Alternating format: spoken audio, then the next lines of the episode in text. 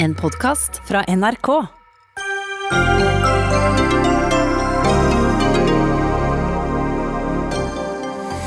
NRK Nil Point. Fortsatt rasende reaksjoner etter at stemmegivningssystemet kollapset under Melodi Grand Prix-finalen på lørdag. Hva som egentlig skjedde, får du vite i Dagsnytt 18.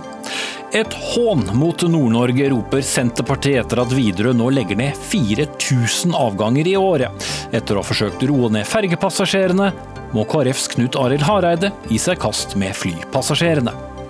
Det ble lønnsfest i stat og kommune i fjor, nå hopper industrien på lønnsfest i år, mens arbeidsgiverne maner til moderasjon. Og hva er det med franske politikere og deres elskerinner? En nær medarbeider av den franske presidenten trekker seg etter at en privat sexvideo ble publisert på nett.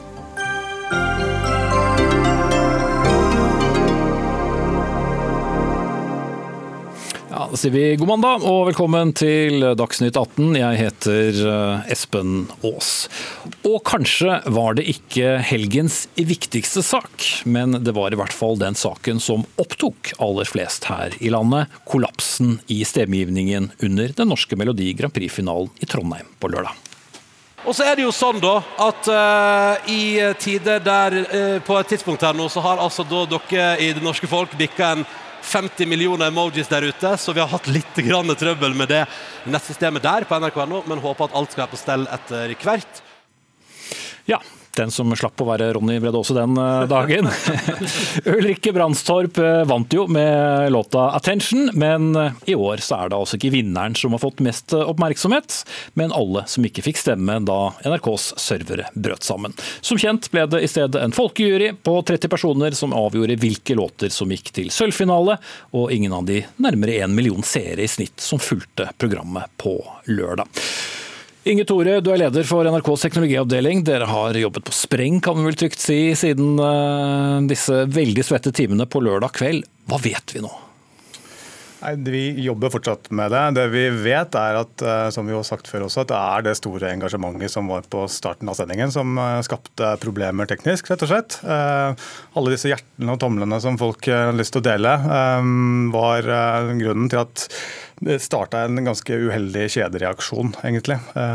Som, som vi jobber med å finne ut av mer nøyaktig hva er rotårsaken til. Eh, Som vi da åpenbart ikke var forberedt på? Som vi, vi var forberedt på at uh, dette kom til å være et massivt trykk. så vi har jo hatt, uh, Noen har jo sagt at vi har hatt problemer i første delfinale. Det hadde vi jo. Uh, det retta vi opp da. og Det er heller ikke de, den feilen som nå skjedde i den hovedfinalen. Men vi skalerte opp etter den første delfinalen, og skalerte opp også alt av systemer uh, knytta til det her inn mot finalen. Fordi vi visste nettopp at det her kom til å være en folkefest, og måtte vi, måtte være klar for det. så det at det allikevel gikk ned, det er jo noe som overrasker oss også, og noe vi skal selvfølgelig finne ut av. Men nå, I dag så har vi brukt mest tid på å få oppklart det viktigste spørsmålet, at vi er trygge på at vi har riktig vinner. Og så skal vi begynne å se på enda mer av evaluering sånn internt for oss, for å passe på at dette ikke skjer igjen. Mm. Ja, Charles Halvorsen, stadig underholdningsredaktør her i NRK. Et snitt på 950 000 fulgte da denne nervepirrende finalen på lørdag. Men hvordan kan vi være sikre på at det var riktig vinner? Det er jo, jeg holdt på å si, det er jo litt langt resonnement her, og et korthet, men jeg kan ta et mellomlangt. og det er jo... Det er jo denne, nei, denne backup-juryen som vi hadde, er jo en representativt utvalg redaksjonelt. Vi har plukka ut folk. Er, med fagjury så snakker vi fagjury som TV-seere, liker Grand Prix og en fordeling av kjønn, alder og geografi så er de ikke musikkeksperter.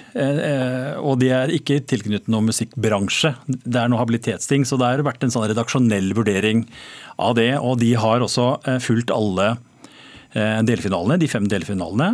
Og så har de stemt helt likt med, med det som har vært nettstemmene i fem lørdager i forkant av finalen. Så vi er rimelig garantert sikre på at det er riktig de fire som gikk videre til, til sølvfinalen, da, som vi kaller det. For så var jo da folket med og stemte på resten, men ja. rimelig garantert sikre? Det, det, er jo en usikkerhet knytta til mye sånne ting, men det er, vi er det vi i hvert fall er sikre på, at vinneren hadde vært en av de fire. Men eh, dette er en eh, backup kriseløsning. Det er absolutt ikke så bra som vi ønsket oss. Vi ønsket oss jo hundretusener til å stemme. Så eh, jeg skal ikke legge skjul på at dette er ikke noe løsning vi eh, syns er tilfredsstillende på noen måte. Men det var nå det som skjedde, og den eh, vurderingen de gjorde. Og når vi fikk de fire og eh, vi fikk en sølvfinale og en gullfinale, så var det den den eh, som vant, var den som fikk flest stemmer Mm. av Men veldig mange mennesker. Men det mange lurer på, og i hvert fall du, Brein Alexander, var om det var de riktige fire som kom til eh, denne sølvfinalen. For uh, jeg så i sidesynet at uh, lokkene dine ristet på, på hodet under eh, svarene til Ja, Halvorsen. Det er litt mange uklarheter, virker det som. Fikk jo inn eh, veldig mange tegn, eh, klare beviser på at eh, eh, ja, juryen eh, ti til fire. eh, Det var en plan som NRK var helt klare på. eh, Ville tre i kraft. Eh, De har sitt på det tørre. Og, men, eh, men allikevel så fra fire til to og, og to til én, så er det klare bevis, mener jo vi, at eh, det allikevel ikke kom, eh, kom i gang igjen, dette maskineriet. Men jeg vil også bare benytte anledningen om jeg får lov til å takke NRK for et fantastisk eh, show. Ja, da bruker du av sendetiden din som du kan bruke til andre ting, men, Det er eh, viktig, viktig å takke de ja. som skal takkes. men du har sagt at du ble fratatt muligheten til å tape og muligheten til å vinne. Hvor godt vil du mene at du lå an til å si, og hvorfor er det grunnlaget bedre enn en juryen til Jeg mener rett og slett at eh, de kaller det en låtskriverkonkurranse. Det har de gjort i 60 år, men verden forandrer seg. Det gjør MGP også. og Dette er en låtskriverkonkurranse og en framførelseskonkurranse og et show. Eh, og det å da basere det kun på lytting, mener jeg i dag er feil. Jeg tenker at jeg kunne ha muligheten til å velte den naturlige, vakre sangen med mitt sirkus. Og, eh, men eh, jeg bare Jeg syns at vi skal nå roe oss ned. Jeg ser at det er mye hat der ute, mye sinne. Det må vi passe oss for. Nå skal vi være snille med hverandre. Skal vi ta vare på denne fantastiske vinneren, denne fantastiske sangen, eh, som har, skal løfte oss inn i Eurovision. Ja, Halvorsen, hva sier du til Alexander og andre skuffede som var med du, i dag? jeg for det første takker for eh, gode ord oppi alt. Det er raust og, og veldig, veldig flott. Og så eh, Det er jo eh, eh, Jeg skjønner veldig godt irritasjon eh, som både du og andre artister har. Det er, det, det er problematisk sånn som vi har gjort det, men samtidig når vi hadde en sånn backup-jury, eh, så den juryeringen eh, må på en måte være ferdig før vi begynner programmet. Det er eh, litt av den samme grunnen som eh, i de internasjonale eh, sendingene, så eh, vurderer juryen Ja, De var ferdig vurdert før sendingen De startet. blir eh, vurdert ut fra generalprøven. Ja, De kunne fått sett generalprøven. Ja, det, det, whatever, men vi, de stemmene må, måtte vi ha klare før sendingen begynner. Ellers så må du egentlig operere med en backup for backupen, og så har du det gående. Så, men jeg skjønner veldig godt, og det er jo, jeg er helt enig, det er en låtskrivekonkurranse, men det er klart man løfter en låt, og ikke minst eh, som Så han har rett i det at det er litt mer enn eh, den som komponerer eh, rette låt. Hvis du så programmet på lørdag, så skjønte du at det Så skal det også sies at det er ikke bare sinte mennesker der ute. Det er en ekstrem, fantastisk kjærlighet fra alle der ute. Men som sikkert veldig mange lurer på, eh, har NRK lært noe til neste gang?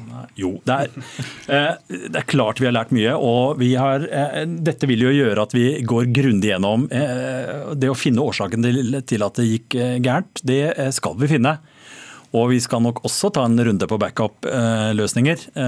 På hvordan det er. Vi- hadde stor tro på at dette fungerte. Det fungerte veldig fint fem lørdager i forkant. Vi dimensjonerte det til monsterarrangementet som jo finalen er.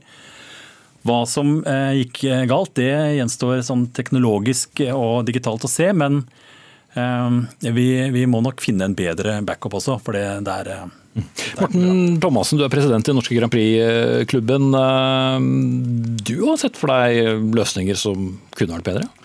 Ja, altså jeg satt jo Jeg har vært på alle generalprøvene før alle sendingen, som skjer noen timer før selve sendingen. og i 2020 så burde NRK ha en løsning at de kunne ha streama denne sendinga til de 30 stykkene. Slik at de kunne ha sett på opptredenen til alle artistene og vurdert låtene fra det de så der og da. Det, så vanskelig er det ikke å, å få så, jeg reagerer ikke på antallet. 30 er liksom et greit tall, for dette skal være en reserveløsning. og Reserveløsninger skal være litt på halv tolv, for du skal liksom, det er liksom kriseløsning. altså Den må ikke være perfekt, men å høre på en plateversjon som Rein Alexander kanskje spilte inn i juli i fjor, for alt jeg vet, blir sånn feil når han har stått på scenen og, og jobba så mye for sin act, og alle de andre også har jobba så mye for sin act. Og i noen av våre naboland så bruker man flere løsninger på stemme. Uh, SMS, app. Burde vi ha gjort det? Det er, noen helt fundamentale eh, fordeler knytta til nettavstemning som vi har nå. Det er Primært eh, så er det eh, det at vi kan ha emojis. Det er jo et uttrykk for emosjoner. Det at man kan være aktiv hele veien. Det, jeg husker ikke hvor mange millioner klikk vi fikk på det, og det var dessverre det som tok det litt ned også. Men det viser jo hvor det enorm engasjement det er for for NGP. 38 millioner Ja, det var noe helt wacko mye. Og så er det et annet viktig poeng her overfor seerne. Det er gratis. Og det er eh, for småbarnsfamilier og andre som eh, er litt aktive på sånne ting. Det er en bra ting. Så at vi går for det, og at vi bruker ny teknologi for å gjøre brukeropplevelse enda bedre, er jeg veldig for. Og så er det utrolig synd at det gikk som det gikk nå. Men vi kommer til å fortsette å, å forsøke å få dette til ordentlig. Mm. Men å ha hatt f.eks. SMS som en eh, backup-løsning er jo flere, noe flere har, eh, har, pekt på. Men ville det involvert vel så mye teknikk, sånn at det var lettere å, å velge det bort? Vi gjorde det i fjor. Da kjørte vi dobbelt. Eh, og så vurderte vi det til nå at vi kjørte uten. Har testa det også i andre konsepter fram til nå. Så Stjernekamp har vi også brukt det samme. Eh, og så er det det at vi skaper sånn som den, eh, disse hjertene og tomlene, som jo åpenbart skapte såpass mye entusiasme at det skapte problemer for oss, tenker jeg er et tegn på at dette er noe som kan gi økt publikumsverdi også under disse store arrangementene. Og så tenker jeg at om vi skal ha SMS som backup neste gang, det er jo noe vi kommer til å vurdere, selvfølgelig. Um, men eh, at vi kommer til å fortsette med nettstemmer, det vet vi at vi kommer til å gjøre også. Mm. One last time. Uh, hva melodien? Ja. Ble det siste gang for deg? Jeg, altså alle, jeg er jo kjempeglad og kjempestolt. Jeg har fått et engasjement eh, rundt meg og min musikk nå som jeg aldri hadde drømt om allerede. Og da har jeg ikke engang verken, som du sa, tapt eller vunnet. Men det er bare å høre på låta. Den har et godt budskap som vi trenger nå alle sammen. Og det er å, å bare være gode med hverandre og løfte fram Ulrikke og, og, takke NRK for en fantastisk fantastisk musikkfest. Fordi Én ting er sikkert, det kommer ikke til å bli noen annen rekkefølge i vinnere, uansett uh, hva dere måtte finne ut på servere eller annet. Er Vinnerne er klare, og vi har jo nå gått inn i tallene fra de siste rundene, som du sikkert har. Ja, Det er det vi har brukt tiden på i dag, for å sikre at vi har uh, riktig vinner. Så det har vi fått bekrefta. Uh, Basert på hva da? Basert på tallene som ligger i avstemmingen. Så Vi ser også at det er større engasjement i avstemmingen i år enn det vi hadde på finalen i fjor. Eh, og det har vært noe sånn som 157 000 i det, i det, tidsrommet hvor vi hadde de siste to avstemningene hvor fire ble til to og to ble til én, så har det vært 157 000 innom avstemningssiden, og 152 av de har fått uh, gitt, avgitt stemme. Uh, og Ulrikke har vært vinner hele veien. Og så vet vi at det har vært problemer på utsiden for de som har kommet inn på NRK nå, som vi også dykker ned i. Der kommer vi ikke til å få noen gode tall til helt nøyaktig, men det vil si at det er ikke noe, det, skje, det har skjedd over hele linja. Ingen skjevheter. det er ikke det er ikke noen spesiell del av Norge, det er ikke på, bare på mobil, det er, ingen, det er, ingen, av den type ting. Så vi ser at vi har et stort volum, større enn vi hadde i fjor, som eh, gjør at vi er trygge på at det her eh, er riktig. Mm. Morten Thomassen, eh, dere blodfansen, er dere litt roligere nå? Ja, altså Ulrikke var jo den store favoritten før sendinga, og hun leverte varene så til de grader. så at hun, er, hun kommer til å heie på fram til Rotterdam. og en Kjempebra plassering, det er jeg ganske sikker på. Mm. Er det NRK Neil Point, eller? Skal de få litt mer? Nei, altså Musikkproduksjon, det er nullpunkt. EDB-avdelinga, de er ute på gangen og kan forvente med å få litt juling. jeg vet nesten ikke om jeg tør å sende dere ut samtidig. Eh, jeg blir med neste år med One More Time. Meld meg på nå. Takk skal dere ha. Uh, Rein Alexander, Morten Thomassen, president i den norske Grand Prix-klubben, og fra NRK Charlo Halvorsen, underholdningsredaktør og avdelingsleder i teknologiavdelingen her i NRK, Inge Torjø. Dagsnytt 18 alle hverdager kl 18.00 på NRK P2 og NRK2.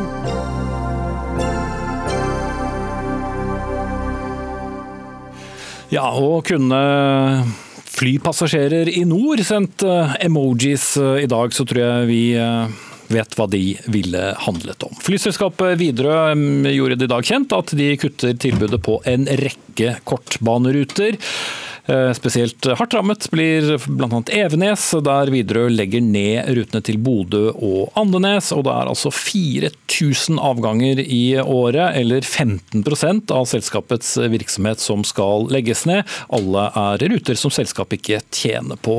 Stein Nilsen, administrerende direktør i Widerøe, hvorfor måtte det kuttes så stort? Det er jo en, en, tung dag for Widerøe. det her. Vi har jo hatt en enorm eh, lojalitet overfor de eh, rutene som vi har ute i distriktene, som er så viktige for folk der, der ute. Men det er jo ingen hemmelighet at vi har slitt med lønnsomhetsnivået på disse rutene siden flypassasjerer ble innført i 2016. Så vi har, vi har jobba i flere år med å prøve å få til endringer i de, Men er det ruter som ikke går an å tjene penger på? Ja, sånn som avgiftssystemene er i Norge og i, i dag, og, og, med de andre utfordringene som bransjen naturlig er utsatt for, med svake norske kroner og uh, ja, Hvordan slår det inn med en svak norsk krone for et innenlands flyselskap? Nei, det er alltid, Vi handler jo mye både flydeler og drivstoff i, i, dollar, så det påvirker jo negativt. Men normalt sett så har vi hatt kapasitet til å håndtere den type fluktasjoner. men de siste årene har avgiftene i innenriks i Norge økt for, for, vår del med 220 eh, millioner. og det kommer på toppen av alle andre utfordringer, så blir det utrolig tungt. På de rutene der vi flyr de minste flyene, altså disse korte strekningene. Mm. Eh, så sånn som det er i dag, så kan ikke Widerøe, men heller ingen andre da, sier du, gått inn og, flydd de rutene uten å gjøre det med tap? Det skal ikke utelukkes at det er noen andre som, som, kunne tenke seg til å gjøre et forsøk på noen av disse rutene. og Det, det er de jo hjertelig velkommen til. Det er, jo, det er, jo, full og fri konkurranse på disse rutene. Veld... Men Grunnen til at dere taper er bl.a. som du sier da, høyere avgifter. Hva, hva konkret er det flypassasjeravgiften? Ja, det er jo det samla avgiftsnivået både med, med, moms og flypassasjeravgift og en stadig økende CO2-avgift. Men, men, eh, det er veldig vanskelig for meg å vurdere eh, hvilke forutsetninger andre flyselskap har. Men det er jo viktig å understreke at det er jo ruta det er fri konkurranse konkurranse på. Så om noen andre ønsker å gjøre et forsøk, så er det helt åpent for det.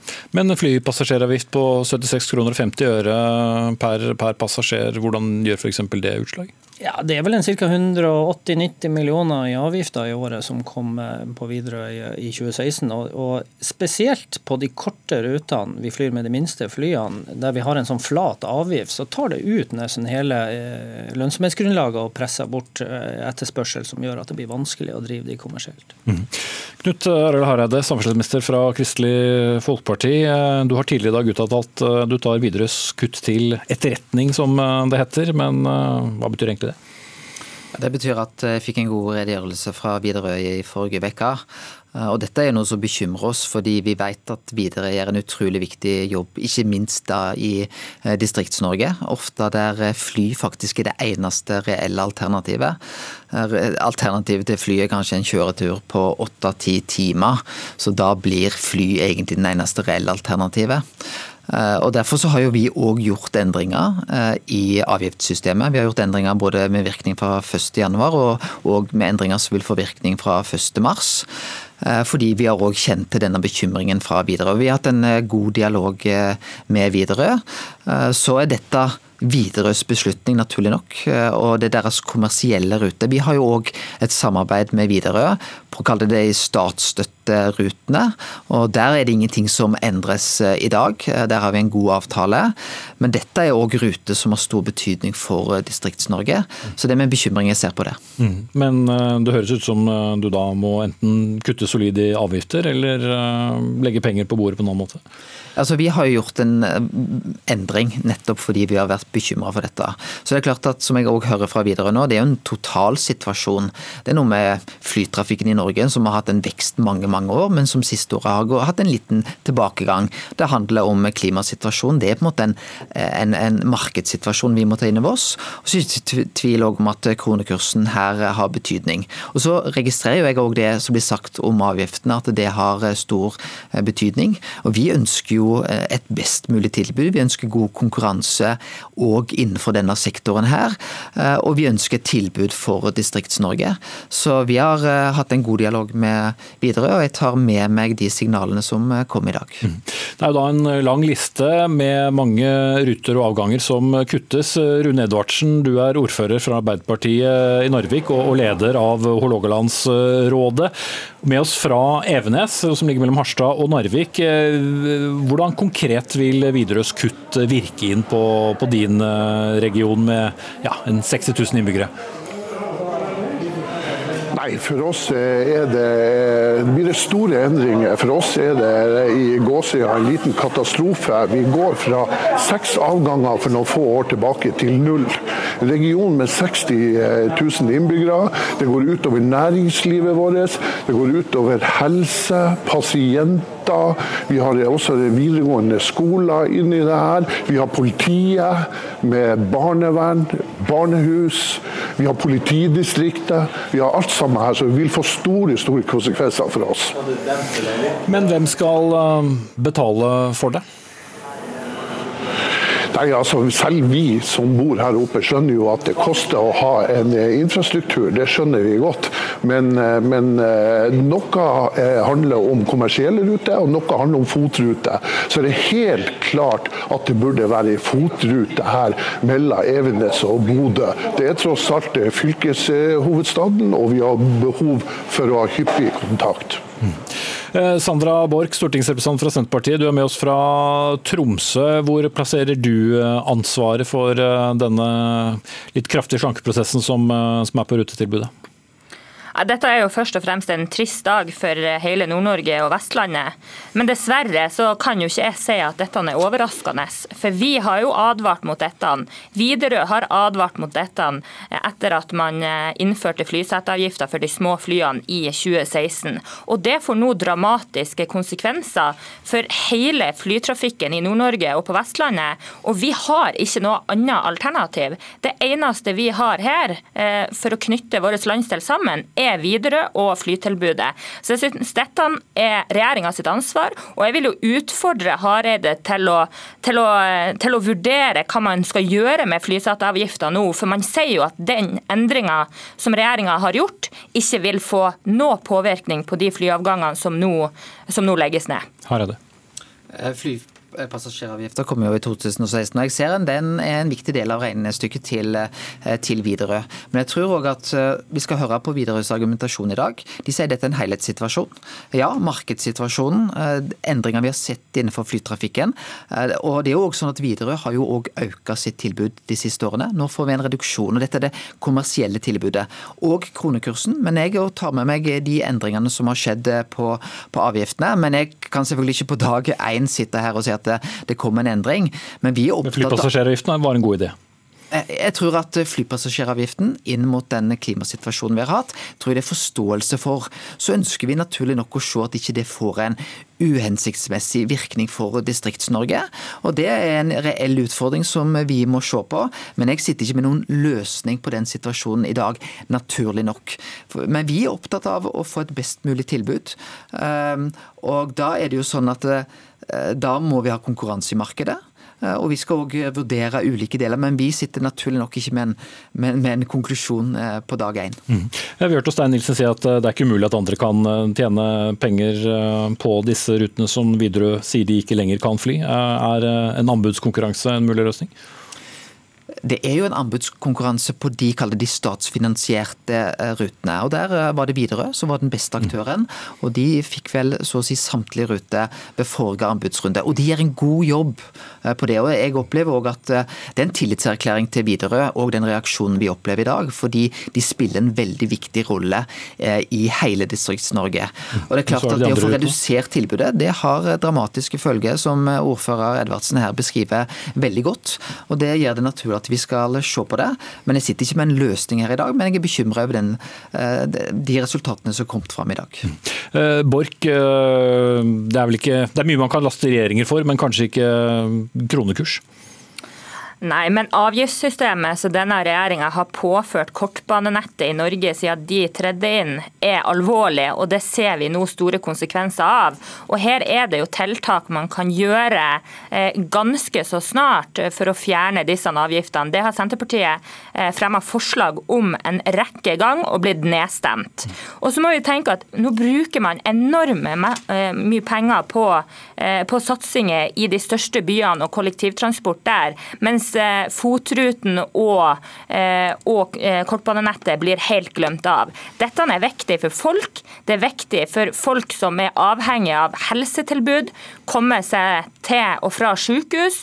Så dette er bekymringsfullt. Og jeg frykter for at nok et sentraliseringsvedtak fra regjeringa her er i ferd med å få store konsekvenser for hele Nord-Norge og Vestlandet. Her er det. Ja, Det er ikke noe vedtak fra regjeringens side. Dette er jo naturlig nok Widerøe som tar stilling til sine kommersielle ruter. Det er styret i Widerøe som gjør, det er det ikke regjeringa som gjør.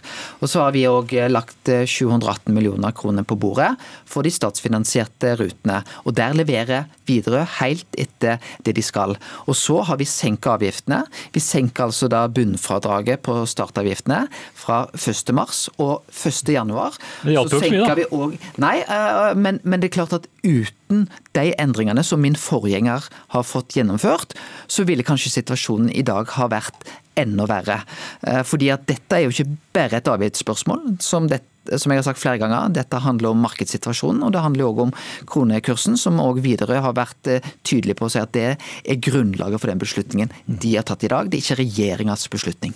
Ja, eh, Stein Nilsen, jeg vet at du ikke vil debattere med, med politikere, men jeg, under researchen så leste jeg jo også, og du har vært her i studio og snakket om det tidligere, så ønsket dere jo disse kuttene som Hareide her snakket om. Dere ønsket jo de velkommen, men de hjalp ikke noe, tydeligvis? da? Dessverre så er det jo sånn at uh, i det høringsforslaget som, som Hareide sin forgjenger sendte ut, som, som, var veldig positivt, så var det jo angitt en, en lette på ca. 40 millioner for kortbanenettet. Uh, det viser seg det når dette blir implementert og vi får, fortalt opp. så så blir det veldig lite igjen. Eh, Samferdselsdepartementet har eh, gjort en god jobb og fått til avgiftslettelse på i størrelsesorden 9-10 millioner for disse rutene. Men så er det andre avgifter av mer fiskal karakter, som CO2-avgift og denne type ting som har gått opp med, med ca. 15. Så på tross av den store jobben som departementet, Samferdselsdepartementet gjorde i 2019, så har faktisk avgiftene våre gått opp til 2020. Mm. Så skulle de da kuttet med 15 millioner til, er det det du sier? Nei, nei, jeg mener kanskje det er en viktigere debatt hva man vil med kortbanenettet, som er et så viktig kollektivtransporttilbud. Vi er ett av de selskapene som har potensial til å fly dette, dette veldig krevende kollektive flysystemet i Norge. Og det har stor verdi for distriktene. Så jeg håper jo kanskje at politikerne tar seg en ordentlig diskusjon om hva vil man med dette. Og Det er utrolig viktig at, eh, at vi får til noen lettelser på avgiftssida hvis vi skal klare å holde dagens teknologi i lufta, inntil at vi kan kjøpe et nytt fly som forhåpentligvis er et nullutslippsfly. Og noen politikere som iallfall kommer til å diskutere dette, tror jeg er deg og dine kolleger, eh, Rune Edvardsen, eh, som stadig er med oss fra Evenes. Du har tidligere sagt at dette faktisk er et løftebrudd. Hvordan er det det? Det er jo et, Vi opplever det som et helt eh, klart løftebrudd. Nå er det jo sånn at I første, i første omgang så tar det ca. seks timer å kjøre fra Narvik til fylkeshovedstaden Bodø på en godværsdag over fjellene hvis det ikke er stengt og hvis fergen er i tidsnok. Men i 2012 så vedtok Stortinget, hvor også da Hareide var leder av transportkomiteen, så vedtok man at man ønska å legge ned Narvik lufthavn og opprette flere gode tilbud nettopp for å styrke flyplassen Evenes-Harstad-Narvik lufthavn. Og vi opplever jo at det er absolutt det motsatte som har skjedd. Så vi blir bare enda mer Distrikts-Norge med enda færre tilbud. Og det mener vi er et løftebrudd. Ja, det er jo ikke mange månedene til disse rutene da eh, forsvinner, eh, Hareide. Eh, men du har neppe noen quick fix? Du må tilbake til departementet? Eh, nei, jeg har ikke noen quick fix i, dag. Eh, og det er fylkene som overtar de rutene fra 1.1.2021. Eh, så jeg er enig med det ordfører Edvardsen peker på. Nettopp den strekningen som er mellom Bodø og Evenes. Det er kanskje en av de mest kritiske som, som blir rammet i dag. Det er veldig mange som reiser med den linja i dag. Det betyr veldig mye for hele Nordland fylke. Og det er jo naturlig nok noe vi må vurdere nå. Mm. Eh, Sandra Borch, det er jo alltid lettere å ikke være den som måtte ta de politiske beslutningene, men mener du at det er noe som kan gjøres på, på kort sikt? Jeg mener jo helt klart at man må se på, på avgiftsnivået som, som, er økt betydelig de siste årene. Eh, samtidig så har jo også regjeringa økt eh, prisen, altså momsen på billettene, som gjør, at, eh, som gjør, at, vi er i den situasjonen vi er i nå. Og Det er jo ting vi kan gjøre, gjøre noe med politisk sett. Eh, og For Hareide så er det jo da bare å levere en sak til Stortinget, så får man prøve å sikre flertall for, for det. Senterpartiet skal i alle fall bidra med sitt Eh, og vil også fremme forslag i, i denne saken eh, allerede, ganske snart. Og så må jeg jo si at ja, dette er jo ja, dette er jo kjempebekymringsfullt for eh, alle pasientreiser, bl.a. I, særlig i Nord-Norge. Man er helt avhengig i Finnmark av å komme seg til Tromsø, også til Bodø, for å uh, dra på kontroller. Så det, Dette tror jeg er, en, er kjempealvorlig for Nord-Norge. Mm. Det tror jeg alle faktisk er uh, enige om. Takk skal dere ha alle fire. Sandra Borch, stortingsrepresentant fra Senterpartiet. Knut Arild Hareide, samferdselsminister fra Kristelig Folkeparti. Stein Nilsen, administrerende direktør i Widerøe. Og Rune Edvardsen, eh, ordfører fra Narvik eh, Arbeiderparti og leder av Hålogalandsrådet.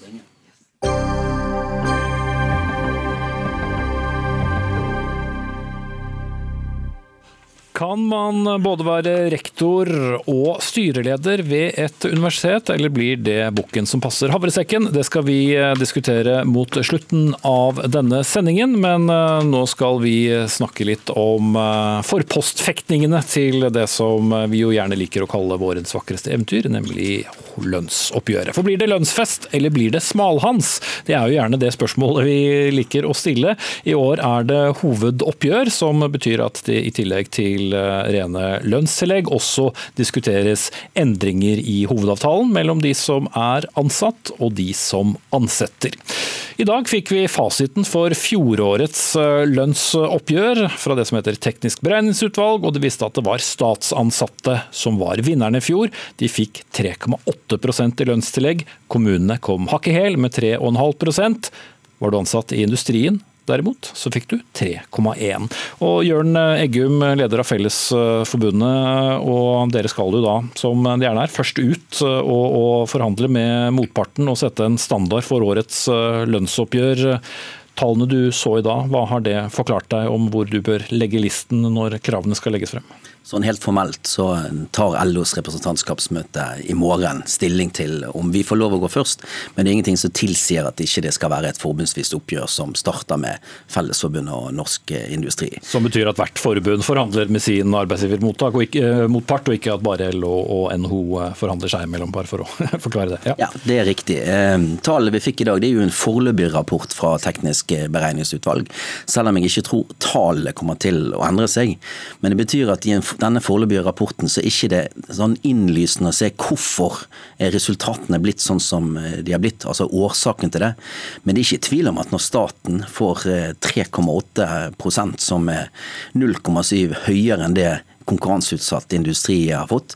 Og det er ikke første året. Eh, det er opptil tre-fire-fem år har det blitt gitt mer i kommunal og, og, statlig sektor enn det vi har klart i konkurranseutsatt industri. Så setter det på mange måter eh, legitimiteten til frontfaget eh, i spill. Så dette her var urovekkende, og vil, dette, altså det er alarmerende dette at det skjer gang på gang. Men bakgrunnen for det og årsaken til dette det er det litt for tidlig å, å, å, å si noe om. Men jeg vil si at det her er det virkelig viktig at eh, hovedorganisasjonene bidrar til at når konkurranseutsatt sektor setter merke, så er det fordi at vi skal ha konkurransekraft, vi skal klare eh, å få investeringer i industrien. Og våre dyktige fagarbeidere de skal ha ut den verdiskapningen som er riktig i forhold til å kunne utvikle industrien. Og Da må stat og kommune ikke bare komme etter. Da er det det som gjelder. Det inntil den rammen som settes i frontfaget som skal gjelde for andre samfunnsgrupper. Mm. Ja, Stein Lier Hansen, du er da motparten til, til Eggum som administrerende direktør i Norsk Industri. Når du så hvor fett det var å være offentlig ansatt i dag, hva tenkte du da? Nei, Jeg ble jo forskrekka, nettopp fordi at når ikke staten som en stor arbeidsgiver har større respekt for frontfaget enn at de velger å inngå et oppgjør som ligger betydelig over den ramma som ble satt av industrien i 2019, så er, det, så er det et veldig farlig signal. Nå håper ikke jeg det er et signal som innebærer at en ikke ønsker å gjennomføre og utvikle frontfagsmodellen videre. Mhm. Bare for å stoppe deg der, da, for de som lurer på det. Hvorfor vi sier frontfag er fordi da industrien som er mest konkurranseutsatt forhandler først, og så skal de andre som forhandler legge seg på det samme. Men i dette tilfellet så endte da stat og kommune langt langt høyere enn man gjorde i privat sektor. Det som er viktig å få fram, Grunnen til at den modellen er valgt, er jo nettopp fordi at det er industrien, eksportindustrien som benchmarker Norge mot resten av verden. Og det at den setter nivået på lønnsutviklinga, eh, det er viktig også for velferdssamfunnet. For det forteller om hvor vi kan legge oss uten å tape konkurransekraft generelt i forhold til omgivelsene. Men uh, har dine medlemsbedrifter tenkt å betale Jørn Eggums eh, medlemmer opp mot 4% i lønnsstilling? Altså vi, altså min jobb og frontfagets jobb er jo å sikre at industriarbeidsplasser ikke går tapt. Og så Vi vil eh, gå inn i de forhandlingene med konstruktive metoder for å lykkes. Men vårt oppdrag er jo å sørge for at vi gjennom oppgjøret som vi står foran nå, ikke ikke svekker vår konkurransekraft ytterligere mot våre handelspartnere, f.eks. i EU. Og Da har vi ikke mye å gå på, for vi ligger allerede i dag 33% over dem når det gjelder timelønnskostnader. Så det blir mitt utgangspunkt. Mm. Men lav kronekurs, det er bra å eksportere, og det går godt i norsk økonomi, så litt kan du vel eh, vente? Ja, altså for det første så er jeg jo sikker på at det blir en bra reallønnsvekst uansett. For det er med en eh, konsumprisindeksprognose på 1,5 mm. Altså prisstigningen? Ja. ja, som er prisstigningen, så vil jo de fleste uansett få en bra reallønnsvekst. Men så er det da viktig å være klar over at kronekursen er en utro tjener. Nå er krona historisk lav, men det kan forandre seg omtrent mens vi sitter her i studio. sånn at vi må forhandle med utgangspunkt i at vi ikke skal ha en lønnsvekst som overstiger det som våre konkurrenter eh, faktisk har. Mm. Men når disse tallene fra Teknisk beregningsutvalg blir kjent i dag, eh, Jørn Eggum, så er det klart at dine medlemmer ser at de som jobber i stat og kommune får så mye og vet hva de selv fikk, da er det en viss forventning på at du også forhandler frem eh, et godt resultat?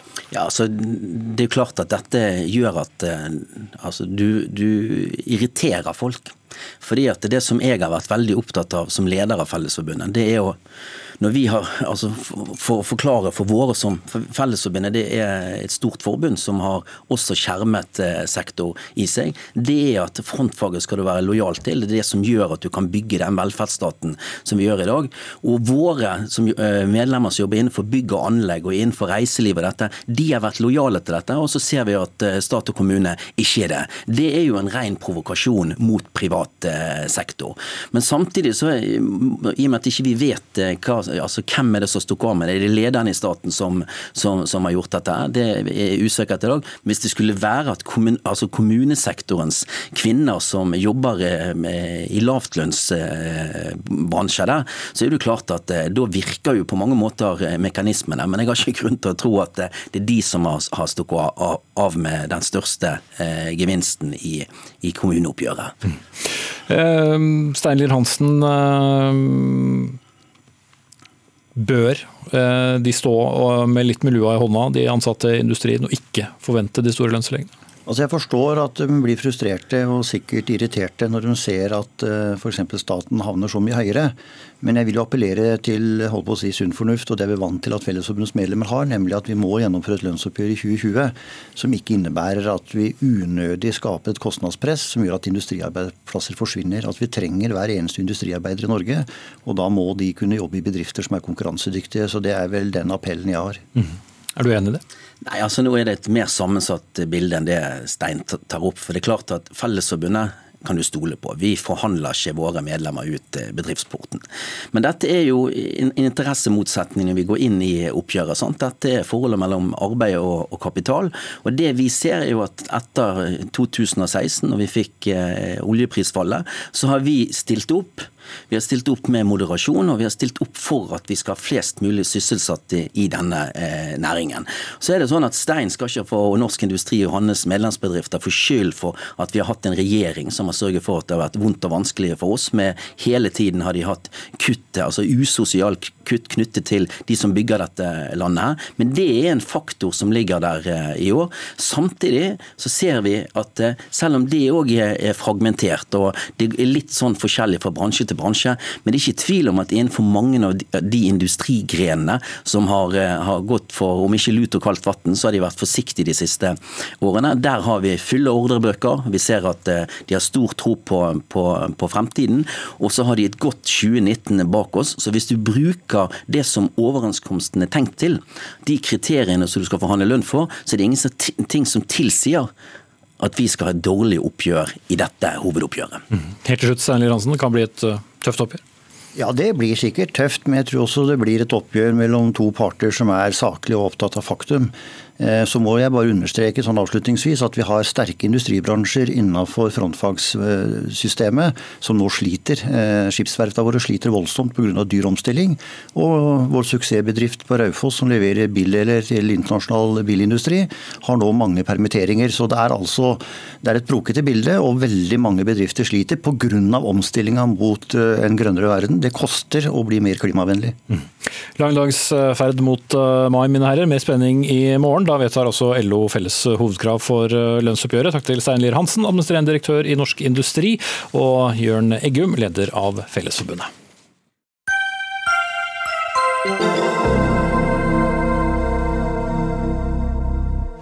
Så skal vi til eh, Frankrike, vi, og en, eh, skal vi si, en pikant eh, skandale der, hvis det er riktig ord å bruke om fransk politikk. Benjamin Griveaux på 42 var president Emmanuel Macrons utvalgte til borgermesterkampen i hovedstaden. Så ble noen bilder med et relativt privat innhold lekket, og det ble politiske rystelser. En mobilvideo med kompromitterende bilder og tilhørende pikante meldinger som Grevaux skal ha sendt til en ung kvinne, ligger i det hele, og fredag valgte han å avslutte valgkampen, og altså trakk seg. Og I går ble det klart at helseminister Agnes Bussin overtar som partiets borgermesterkandidat i hovedstaden. Og Tove Gravdal, journalist og forfatter og tidligere medarbeider for Aftenposten i Frankrike, Hvorfor er det blitt sånn en politisk skandale?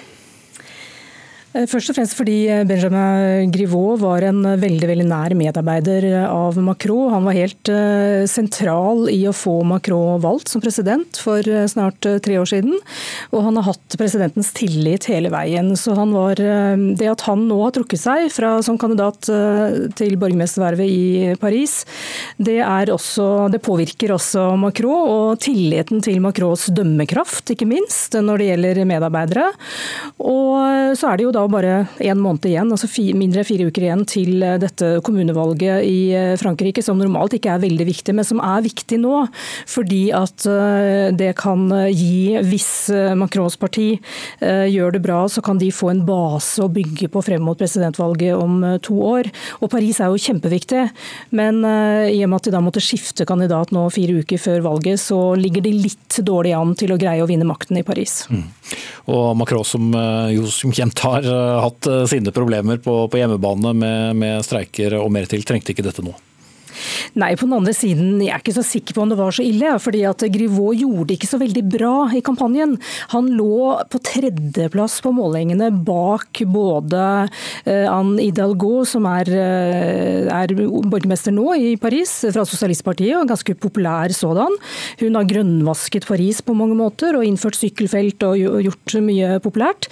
Og så er det en Høyre-kandidat som også har ligget foran Grivaud Griveaux på meningsmålingene. Nå kommer det en tredje kvinne og konkurrerer om dette borgermestervervet i Paris. Og Agnès øh, Bussin, som øh, har vært helseminister til nå, hun er en ganske flink politiker og øh, har fått forholdsvis gode skussmål som, som helseminister. Og det er ikke sikkert at hun kommer til å gjøre det så dårlig i dette valget.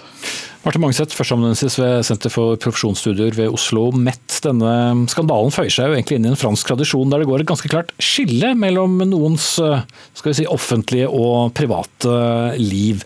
For dette med elskerinner og sågar uekte barn pleier normalt sett ikke å være en del av offentligheten. Nei, altså den mest kjente saken er jo at Mitterrand hadde en elskerinne og et uekt barn i lang tid, som jo journalisten og sånn gjerne kjente til, men som han ikke snakket om. Og det ble jo selvfølgelig en sak, men alt i alt så er det egentlig veldig stor aksept for dette her. Og franskmenn er veldig opptatt av at man skal skille privatliv og offentlig liv. Og det ser vi også i måten Alle har fordømt eh, denne russiske kunstneren som har lagt ut disse videoene og, offentliggjort eh, Grivauds privatliv. Alle er enige om at problemet her er ikke egentlig Grivaud, problemet er at han er outet på denne måten. Han skulle få ha sine intime detaljer og sin elskerinne i fred. Hvorfor er det slik? Det er jo veldig annerledes enn fra f.eks. bare over kjølen. Nå er jo franskmenn og briter veldig annerledes på, på, mange områder, men også amerikanere. og I veldig mange land så vil det jo være en stor sak. Her er det en veldig stor kontrast, og dette har det vært eh, veldig lenge. En stor kontrast mellom de anglosaksiske landene på den ene siden og Frankrike på den andre. Um, den puritanismen eh, som kanskje er knyttet til protestantismen, da, som man ser i, i, USA og England, det vil ikke franskmenn ha noe av. Og jeg tror det er knyttet til katolisismen deres. At man skal være, få lov til å være et menneske med sine feil og sine svakheter. Man skal få lov å tilgi og sånne ting. Men det har selvfølgelig mye med den franske republikken å gjøre. og At du har et sterkt skille mellom det offentlige livet og det private livet. Dette har med skille mellom eh, stat og kirke å gjøre. Og at man skal være ganske fri i privatlivet, men så må man eh, følge republikkens regler i det offentlige livet. Og nå så er det jo engstelige for at um, altså Noe av grunnen til at de sier at det er så skummelt, da, er liksom det at de uh, er opptatt av at det kan være en trussel mot eh, altså politikeres eh, mulighet til å følge sin politiske overbevisning. De kan bli utsatt for eh, utpressing, de kan bli utsatt for ting som gjør at politikere ikke lenger gjør det de er valgt til å tro på. At det er helt andre mekanismer som kommer inn og blander seg i politikken. og Det opplever de som eh, veldig problematisk. Men Gravdal, når det er en aksept for å sende en oppskjønn snap-video til, til en elskerinne, hvorfor kunne han ikke bli sittende når det er noen andre som velger å offentliggjøre dette? Jeg er kanskje litt uenig i at det er en aksept for det. Jeg kjenner ingen franskmenn som syns det er greit at partneren deres driver og sender oppskjønne bilder til en annen enn til dem selv. Eh, men eh, at det skal ut i offentligheten, det er noe helt annet. Men det, der har vi akkurat samme debatten i Norge. Vi har, jo hatt, vi har jo statsråder som har vært utsatt for det samme her i Norge, og det ble jo fordømt. At dette ble offentliggjort, ble jo fordømt her i Norge på samme måte som i Frankrike. Så det er ikke så veldig annerledes. Og det er jo det som er fordømt, eh, bl.a. av politiske motstandere i, i Frankrike. Så, så, dette er noe, og Det har jo også vært en bevegelse nå i Frankrike. altså Mitterrand kunne ikke ha levd med to, i realiteten to partnere, som han gjorde på 80-tallet. Han kunne ikke gjort det i dag. Så det har forandret seg også i stor grad i Frankrike. Jeg tror at den største forandringen egentlig er at mens man tidligere hadde mye større aksept for at politiske eliter, andre eliter, egentlig gjorde som de ville og sto over loven på mange punkter, så er det i dag mye mindre aksept for at man faktisk bryter loven, og f.eks. økonomisk utroskap økonomisk korrupsjon, mens det er større aksept for utro, altså at man eh, har elskerinner eller uh, uekte barn og den slags ting. Så jeg syns det er interessant at man begynner å få operere med et større skille da, mellom ok, privatlivets fred, men du har ikke lov til å bruke hemningsløst av offentlige midler på private formål og sånn. Det så vi med Dominique Strauss-Kahn. Det gikk ikke i lengden, faktisk. Han fikk jo lov å holde på veldig lenge, men til slutt så gikk det ikke lenger. Mens derimot Rashida Dati, en av disse tre kandidatene til valget i Paris, hun hun eh, var jo minister, eh, men hun fikk et barn eh, uten at mannen var kjent, og hun var ikke gift med far til barnet. Og det gikk, liksom. Så man skiller mellom hva som er greit og hva som ikke er greit her.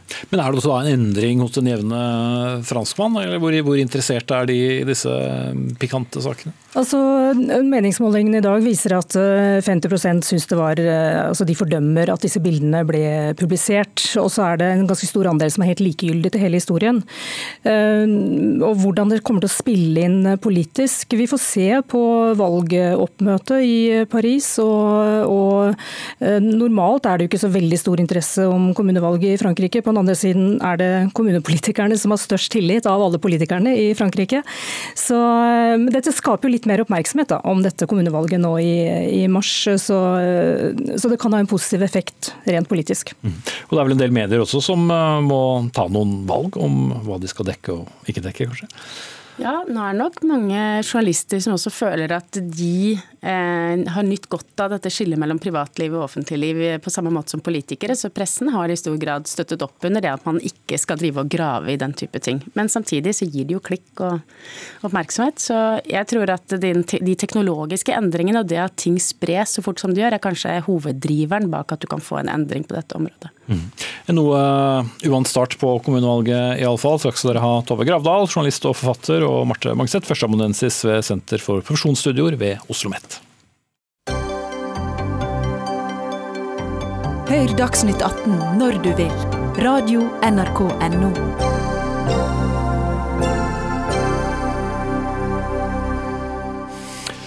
Da skal vi i Dagsnytt 18 tilbake til universitets- og høyskolelovutvalget, som vi også snakket om før helgen. De vil ha slutt på at offentlige høyere utdanningsinstitusjoner kan ha en rektor som også er styreleder.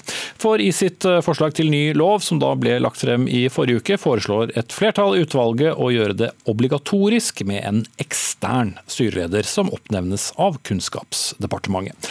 I dag er det fire universiteter og sju høyskoler hvor rektor og styreleder er én og samme person. I tillegg foreslår også det samme utvalget at det skal bli slutt på at stemmene til vitenskapelig ansatte teller mer i rektorvalg enn de administrativt ansattes stemmer. Vi lar det siste ligge litt, men Svein Stølen, du er da rektor og styreleder ved Universitetet i Oslo. Og du er ikke så begeistret for disse forslagene, men la oss eh, begynne med det som går direkte på deg, eller for så vidt begge deler. Men eh, hva ville vært galt om du fortsatte å bare være rektor og det kom noen utenfra og var styreleder? Jeg tenker at Det som er viktig, det er at vi vil ha forventninger fra samfunnet på universitetene. Vi vil ta ansvar. Så, bare, så det er klart at vi skal bidra til kunnskapsutvikling av samfunnet. Vi har i dag et system på Universitetet i Oslo hvor rektor er Eh, både rektor og styreleder, en arbeidende styreformann, så å si. Det handler om den legitimiteten vi må ha i et akademisk kollegium som skal bidra til langsiktig kunnskapsutvikling. I tillegg så har vi altså en universitetsdirektør som har et tydelig mandat for at vi skal følge de rammene vi har som institusjon, som har et sterkt embetsverk, og som gjør at han har en veldig klar rolle og sørge for at det er en maktfordeling mellom denne universitetsdirektøren og rektoren.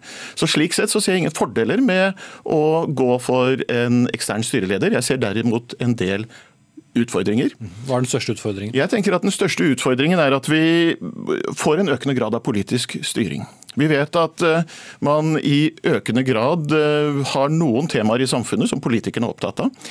Hvis de oppnevner både styreleder og fire styremedlemmer, som de gjør i dag, hvis de samtidig også oppnevner ledere for ulike direktorater, styremedlemmene i ulike direktorater, så får det en ganske stor eh, virksomhet som drar universitetet i ulike retninger. Mens jeg tror at vi må ha en faglig ledelse som sørger for at forskning og utdanning utvikler seg for den framtiden vi trenger. Mm. Helge Aune, det var du som ledet eh, utvalget. Du, ikke, du, deler ikke bekymringene til Stølen her? Nei, absolutt ikke. Eh, vi har gjort mye for å balansere og nyansere vurderingene som er gjort her, for å begrunne hvorfor vi mener det er riktig at vi lager en enhetlig ledelse, dvs. Si at rektor er toppleder. Vi har ikke en universitetsdirektør i loven lenger i vårt forslag. Vi kan ha én eller flere direktører avhengig av hva som er best tjent modell for å drive. Men rektor skal være toppleder for hele universitetets drift. Eh, en styreleder er en som skal være en sparringspartner, hele styret er sparringspartner med toppledelsen. Og Styrets rolle og funksjon er å både inspirere og legge planer og tenke langsiktig, og kontrollere. Og når rektor både, sånn som i den modellen han Stølen forsvarer, både skal inspirere seg selv, kontrollere seg selv, så fungerer ikke den modellen etter det som er intensjonen. Og det, jeg, må, nei, jeg må få lov til å fullføre der, fordi at han sier det feil når vi sier at eh, i dag så er det et styre på elleve medlemmer. Det videreføres i vårt forslag. Av de så er fire fra de vitenskapelige ansatte, tre fra de andre merkantile yrkene, og vi foreslår to stykker fra, eh, som oppnevnt, eksterne styremedlemmer som okay. er oppnevnt fra institusjonen selv. Hvordan inspirerer du deg selv? Jeg inspirerer ikke meg selv. Jeg blir inspirert av 6500 ansatte, hvor jeg har en ledergruppe bestående av sju-åtte personer. Hvor vi har et stort eh, kollegie av valgte dekaner som utfordrer meg ukentlig. Hvor vi har et styre som fungerer meget godt, med tre eksterne industrirepresentanter og en utenlandsk eh, akademiker av, av sterk eh, natur. Og jeg tror at den forståelsen av at ikke vi har et kontrollsystem, er jo basert på at man ikke ser hvilken sterk rolle Kunnskapsdepartementet har i Norge per i dag. Vi har en etatsstyring som er veldig sterk. Vi har en utviklingsavtale som virkelig setter grenser og tydelige rammer for hva vi gjør som institusjon. Og vi følges opp tett av mange direktorater, av Riksrevisjonen osv. Så, videre. så å tro at vi kan gjøre dette på egen hånd, tror jeg er helt feil forestilling. Dette her handler om autonomi, og, det, og at universitet og høyskoler skal være størst mulig grad selvstyrende. Det har vært et, et sterkt uh, premiss for hele vårt arbeid.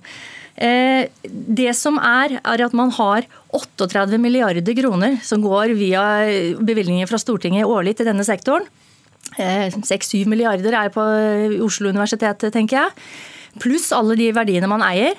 Og da tenker jeg at det er helt rimelig at styreleder er fra den som bevilger pengene, med en annen. Eh, så, er det bukken og havresekken sånn som det er i dag? Ja, det er det. Og det er balansering. Det kan gå bra hvis man har gode ledere, men vi lager en lov som vi mener skal være rigget for også de dårlige dagene, ikke bare godværsdager. La meg se mot en dårlig dårligværsdag. For i dag så har vi en politisk situasjon i Europa hvor vi i økende grad har illiberale strømninger i regjeringene. Se for deg en tid hvor dette også kommer til Norge. Hvis vi går til Ungarn i dag, Polen i dag, hvis vi går generelt til Europa i dag, så vil universitetsrektorer i dag være mye mindre opptatt av verdier, mye mindre av økonomi, produksjon osv. Vi er langt unna det? Vi er langt unna det, men er vi sikre på at ikke det skjer om 15 år her? Hvor fort har ikke disse endringene skjedde i Europa? Så jeg tror at det å lage en lov nå som gjør at vi i et framtidig politisk system kan ha politiske ledere som ønsker å styre oss mye sterkere. I USA så er jo alle de universitetslederne nå politisk korrekte på alle områder. Vi trenger faktisk et akademia som tør å stå opp. Den samfunnskritiske rollen til universitetet må også være tydelig. Det er jeg redd for at Det er ikke bare du som er redd for å miste makt, da?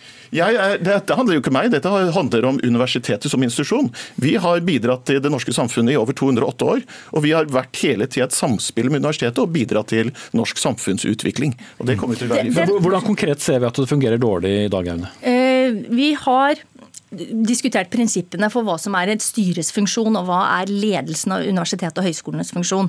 Eh, den, det, bekymringen din fra Øst-Europa, den er, tror jeg mange deler jo, la den ligge, da, Men hvorfor fungerer det dårlig i dag? Fordi det er, det er ikke et eh, avstand nok, tilstrekkelig avstand mellom ledelse og styre. Men på teoretisk plan, vi har ikke eksempler på at det fungerer dårlig? Vi har eh, helt sikkert eksempler som er, men som vi ikke har, vi har ikke vitenskapelig dokumentasjon på det. Men la meg få lov til å si det, at den modellen vi har, som vi har foreslått, gjelder allerede i dag. og Vi har ikke noe grunnlag for å si at de halvparten av de virksomhetene som har den modellen, eh, bortsett fra den styremedlemmene som vi foreslår, eh, at de fungerer noe dårligere. Og Den modellen som Stølen forsvarer, har jo vært gjeldende i lang tid, men samfunnet har endret seg betraktelig siden 1960 og fram til i dag. Det har alltid vært et press på å kontrollere universitetene. Hvis vi ser på styrelederne som er utpekt per i dag, så er nesten alle industriledere.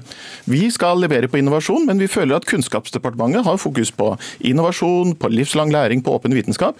Dette er ting vi leverer på fordi vi har det i vår utviklingsavtale. Vi kontrollerer sterkt, men vi trenger en frihet for å utvikle fag fra bunnen av denne bottom up-type tankegangen er det vi trenger. på et Men det er jo ikke så uvanlig. Altså, de aller fleste store selskaper har jo absolutt ikke en intern styreleder. En stor institusjon som NRK har en ekstern Men det er klart at Hvis du produserer pølser, så er det noe annet, for da har du et produkt du vet hvordan du skal måle på. Mens et universitet skal faktisk lage de ideene vi skal trenge i framtida. Hvis vi går tilbake til Simula, en av de største oppfinnelsene for universitetet Jeg håper dette er en kort anekdote, fordi det er ikke så mye tid igjen. Da var det noe som påvirker den digitale samfunnet vi har i dag? Det hadde aldri et næringsliv bedt om. Det trenger denne friheten for å utvikle ideene for da, framtiden. Da vil jeg få lov til å si at den, i denne modellen som er her, som vi foreslår, og i den lovforslaget vi har, så er det én ting som er kraftig styrket, og det er den akademiske friheten. Det vil gjelde også som rettesnor for et styre. Kan ikke gå inn der og men, si at akademisk frihet blir mindre. Men kan, du, kan, kan det være sikkerhet gjennom eh, at det da er opp til et departement?